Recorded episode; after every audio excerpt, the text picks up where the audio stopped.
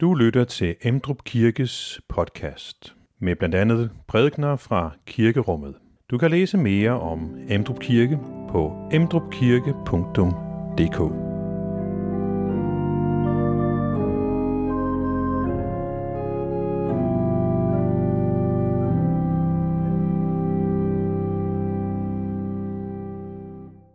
I dag har vi den øh, 20. Søndag efter Trinitatis.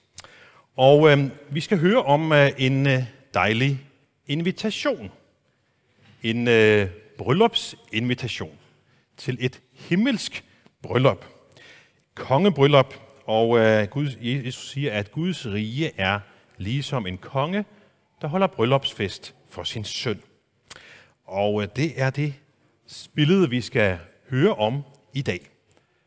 Det er et billede, som er fyldt med, med glæde, og åbenhed og en inviterende Gud, og samtidig også et billede, som peger på, at den invitation skal vi tage imod.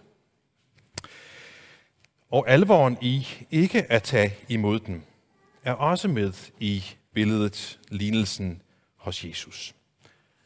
Velkommen til den vidunderligste fest. Det budskab bliver også ragt os i dag.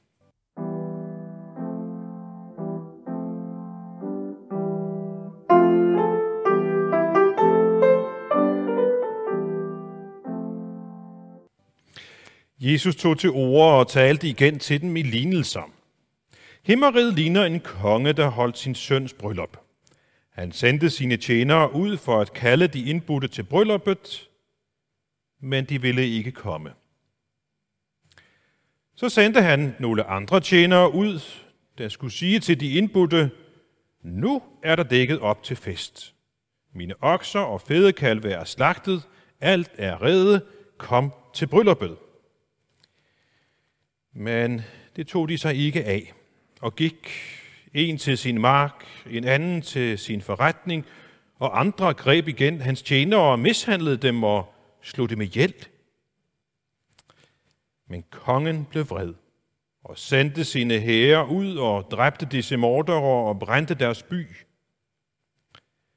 Så sagde han til sine tjenere, Bryllupsfesten er forberedt, men de indbudte var ikke værdige. Gå derfor helt ud, hvor vejene ender, og indbyd hvem som helst I finder til brylluppet. Og disse tjenere gik ud på vejene og samlede alle, som de fandt, både onde og gode, og bryllupssalen blev fuld af mennesker og gæster. Men da kongen kom ind for at hilse på sine gæster, fik han øje på en, der ikke havde bryllupsklæder på. Han spurgte ham, min ven, hvordan er du kommet ind uden bryllupsklæder? Men han tav. Da sagde kongen til sine tjenere, bind hænder og fødder på ham, og kast ham ud i mørket udenfor. Der skal det være grød og tænder skæren. Til mange er kaldet, men få er udvalgt. Amen.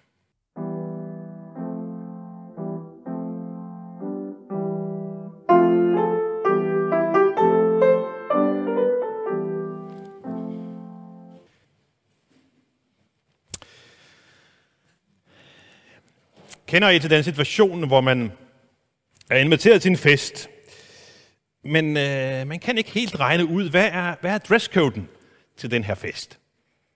Det kan jo nogle gange være en udfordring. Hvad, hvad er der forventet? For os mænd, så kan det måske være en overvejelse, er det en fest med slips, eller er det en fest uden slips? For kvinder, så kan man overveje, ja, det er vel en hel del, man kan overveje, tror jeg. Øhm, jeg har været gift i 26 år, men jeg har ikke helt fanget dybden i de overvejelser, men de er der. Øhm, når man så kommer til festen, så kan man risikere, at øh, man er overdressed eller underdressed i forhold til forventningerne. I dag hører vi om en fest, hvor der er dresscode.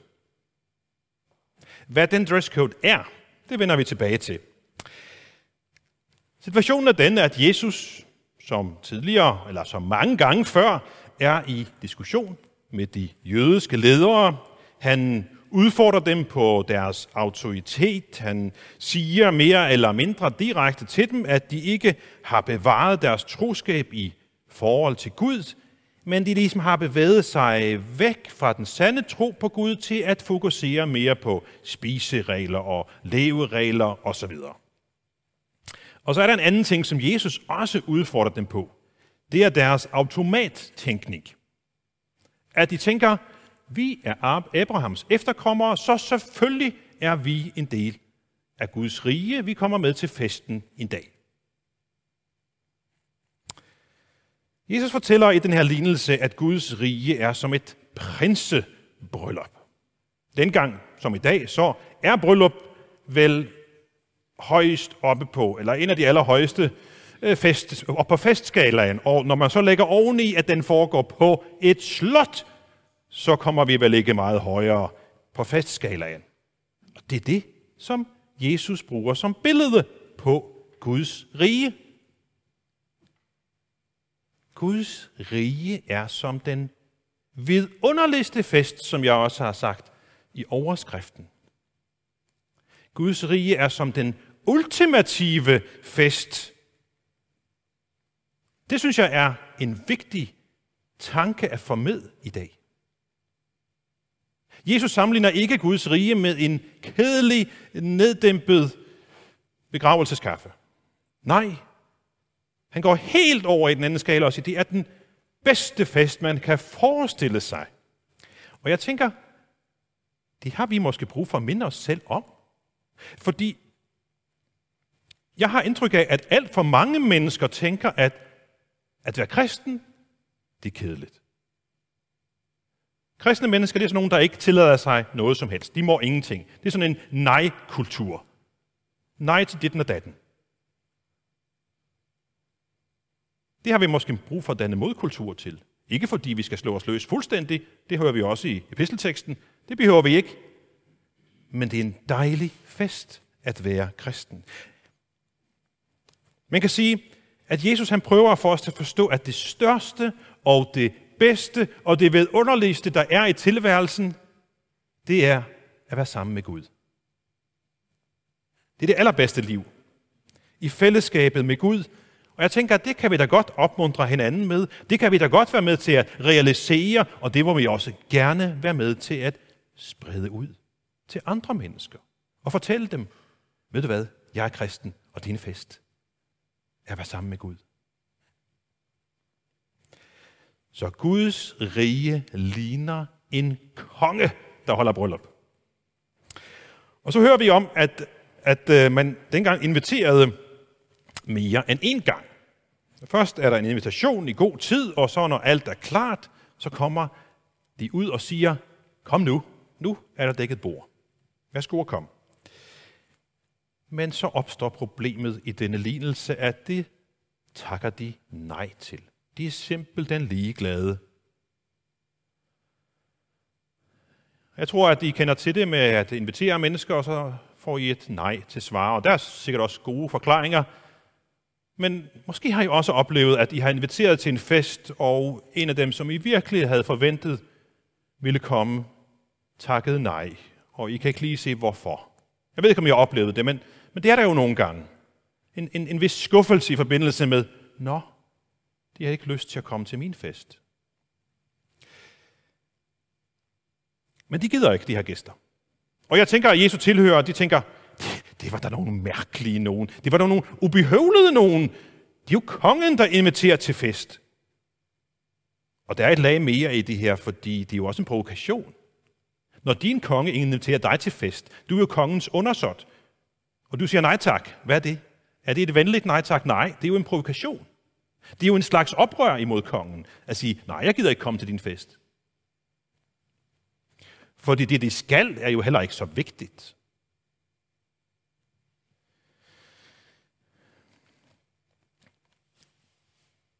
Når prosten inviterer os præster til prostikonvent, så er det ledsaget af, at øh, der skal godt nok en god begrundelse til at takke nej til den invitation. Det er tjenestligt, som de hedder i vores sammenhæng. Så det med, at kaffen var for kold, det går altså ikke som en nødvendig, et tilstrækkeligt afbud. Nej. Hun minder om det tjenestligt. Så deres nej tak her, det er ikke bare et lille nej tak. Det er faktisk en fornærmelse mod kongen. Men kongen er i midlertid meget barmhjertig. De får en chance mere. Han sender nogle andre tjenere ud, og de skruer op for retorikken. Det er lige før, at mundvandet løber, når de skal beskrive, hvor fantastisk den her fest er, som de inviterer til. At maden er sublim. Kom nu. Men de er ligeglade. Gæsterne er stadigvæk lige glad.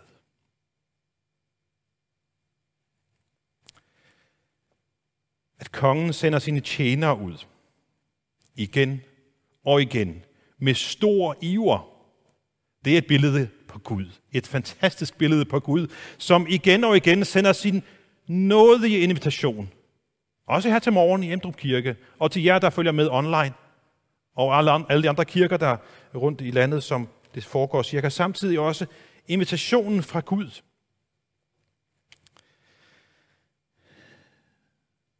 De indbudte er ligeglade. Og nogle af dem går endda så langt, at de bliver fuldstændig uforskammede, og de bliver voldelige i deres afvisning. De griber tjenerne, de mishandler dem, de tager, de tager livet af dem. Jeg tænker, at Jesus tilhører, nu, nu tænker Jesus tilhører, nu, nu, den der konge, nu, nu, bliver, nu bliver han simpelthen nødt til at gribe ind. Det, det, det her, det går jo ikke. Når hans undersåtter opfører sig således, det, det kan han ikke finde sig i. Han må tage sig sammen nu og gøre noget. Og det gør han også. Nu sender han sine herrer ud, og de får en straf. Men så sætter han sig ikke i et hjørne og er sur og tvær og siger, så smider jeg maden ud. Nej, denne konge går ikke ind for madspil, kan vi sige med moderne formuleringer. Han sender invitationen videre. Han beder tjenerne om, at, at de skal gå så langt ud, som de overhovedet kan komme. Og de skal invitere hvem som helst, de møder ud på vejene med til festen. For alle er velkommen til at nyde festen og måltidet. Det her, det står hos Matthæus forholdsvis langt henne hos Matthæus. Og hvis vi kigger på Jesu liv, så har han på det tidspunkt, da han fortæller den her lignelse, været i gang med at fortælle om Guds rige i måske cirka tre års tid. Jesus har mere eller mindre direkte proklameret, at han er Guds søn, han er den lovede Messias, han har sagt, at han er primært er sendt til Israels folk, det udvalgte folk, det folk, som har sagt og forventet, at de skal være med til Guds rig. Og jeg tror, at Jesu eh, eh, tilhører efterhånden har regnet den ud, at Gud er selvfølgelig et billede, eller kongen er billedet på Gud, og at de udvalgte folk, som først får invitationen, er et billede på dem selv, de udvalgte folk. Og jeg tror også, at de forstår, at de tjenere, som Gud, øh, kongen sender ud, det er et billede på profeterne. Dem er den sidste er jo hans døberen, og så kommer Jesus. Og de kender godt historien, at profeterne møder modstand. Johannes døberen får hugget sit hoved af, og de jødiske ledere har også på det her tidspunkt for længst besluttet, at Jesus, ham må vi skaffe af vejen. Og vi kender det jo også beskrevet i Bibelen, at langt de fleste af jøderne i Jesus samtid, de afviser ham. Så invitationerne bliver ragt videre til alle og enhver, som vil være med. Paulus han siger det til jøderne i Antiochia nogle år senere. Guds ord måtte forkyndes for jer først. Men siden I afviser det og ikke anser jer selv for værdige til evigt liv, så vender vi os til hedningerne. Og det er jo det, der i historien er billedet ved, at tjenerne går ud til andre helt ude der, hvor vejene ender. Og det kan vi glæde os over. Os, der bor der, hvor vejene ender i bibelsk forstand.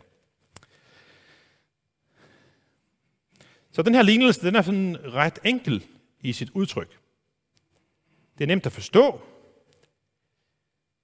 men der sker der noget. Der er en udfordring med dresscode, som jeg antydede i starten.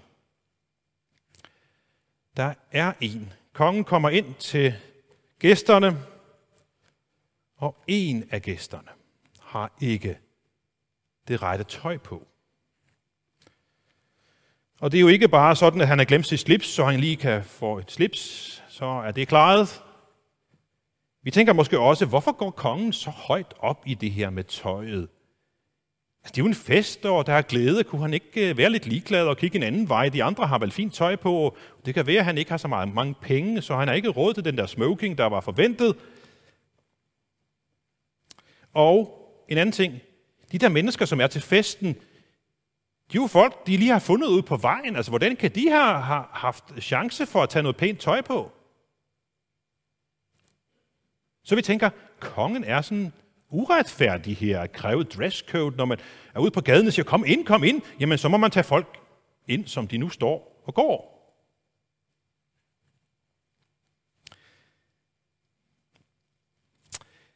Det vi skal forstå her er, at med til billedet hører med meget stor sandsynlighed, at sammen med invitationen får man sit bryllupstøj. Så invitation plus bryllupsklæder er en gave fra kongen.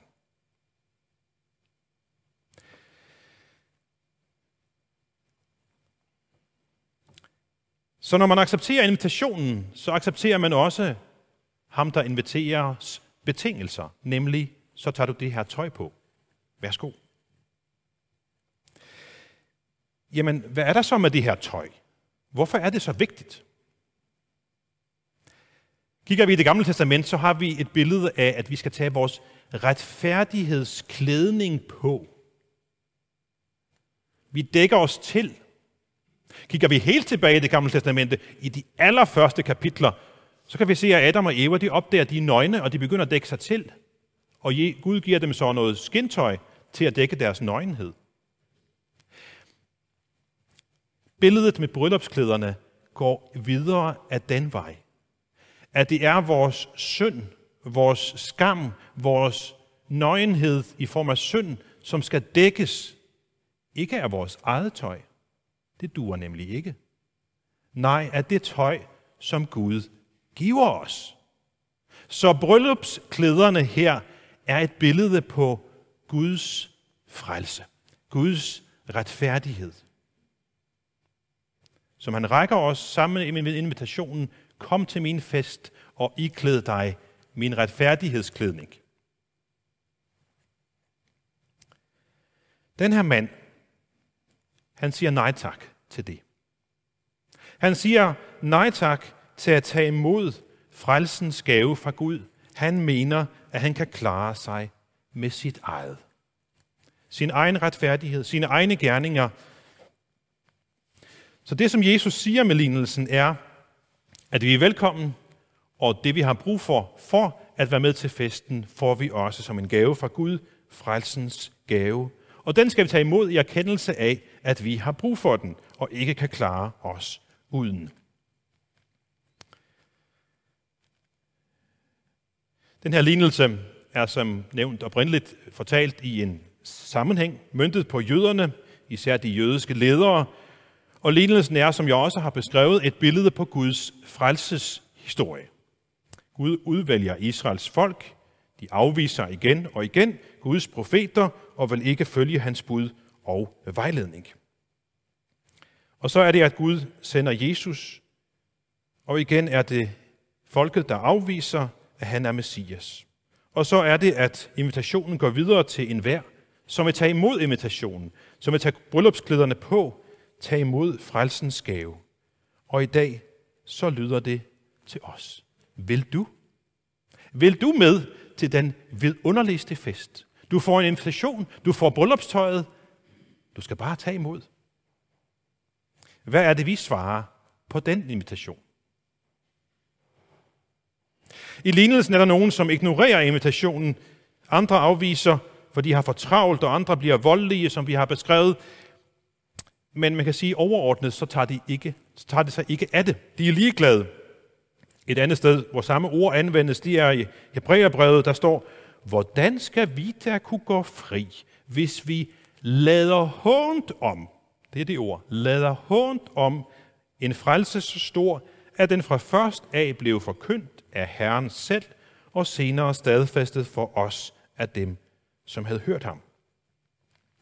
De lader hånd om imitationen, frelsen fra Gud. Og hvad er det, lignelsens afslutning fortæller os? Jo, at det går ikke. At ignorere, at være ligeglad. Lad os den sidste par minutter lige vinkle den her historie en anelse. Nu tager vi den her lignelse fra Jesus, og så drejer vi den sådan 45 grader. Måske 90 grader. Fordi øh, det handler om en invitation til en fest i fællesskab med Gud.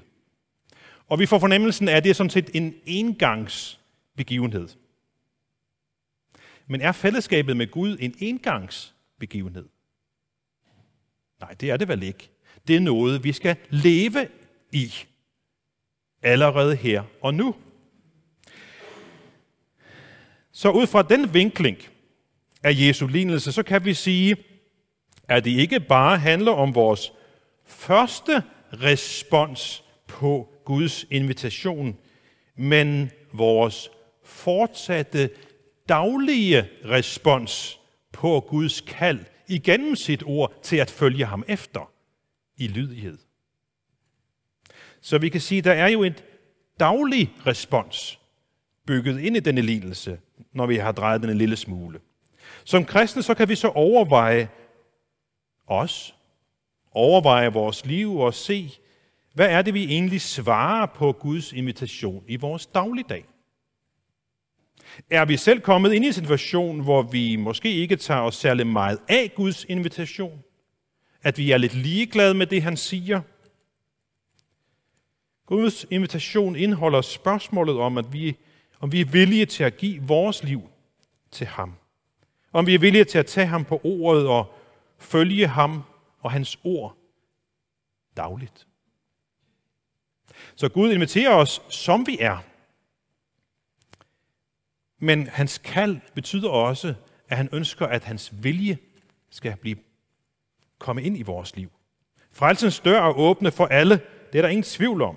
Det siger lignelsen meget tydeligt. Men når man er kommet ind i frelsens dør, så kommer Bibelen med udfordringen om at aflægge det gamle menneske. At tage det nye menneske på. Nåden er ikke bare en gave, men på en måde også en opgave. Paulus siger et andet sted, hvad følger nu der heraf? Skal vi blive i synden, for at nåden kan blive så meget større? Aldeles ikke. Hvordan skulle vi, som er døde fra synden, stadig kunne leve i den? Så at være kristen er altså også at have det som mål at leve efter Guds gode vilje for vores liv. Sammen med ham, i fællesskabet med ham og i fællesskabet med andre mennesker. Så vores daglige respons, synes jeg også er indeholdt i denne lidelse, hvor vi hører, at alle får invitationen, men lignelsen siger samtidig også, at det ikke er alle, der tager imod. Hvorfor det? Det er i hvert fald ikke Guds skyld eller fejl. Han forbereder festen til alle, men han tvinger ingen. Og derfor lyder det igen til os i dag. Velkommen til den vidunderligste fest. Amen. Lad os nu rejse os og med apostlene til ønske hver andre, og gør det, sig gerne med, hvor Herres Jesu Kristi nåde, Guds kærlighed og Helligåndens fællesskab være med os alle. Amen. Find flere podcast og læs mere på emdrupkirke.dk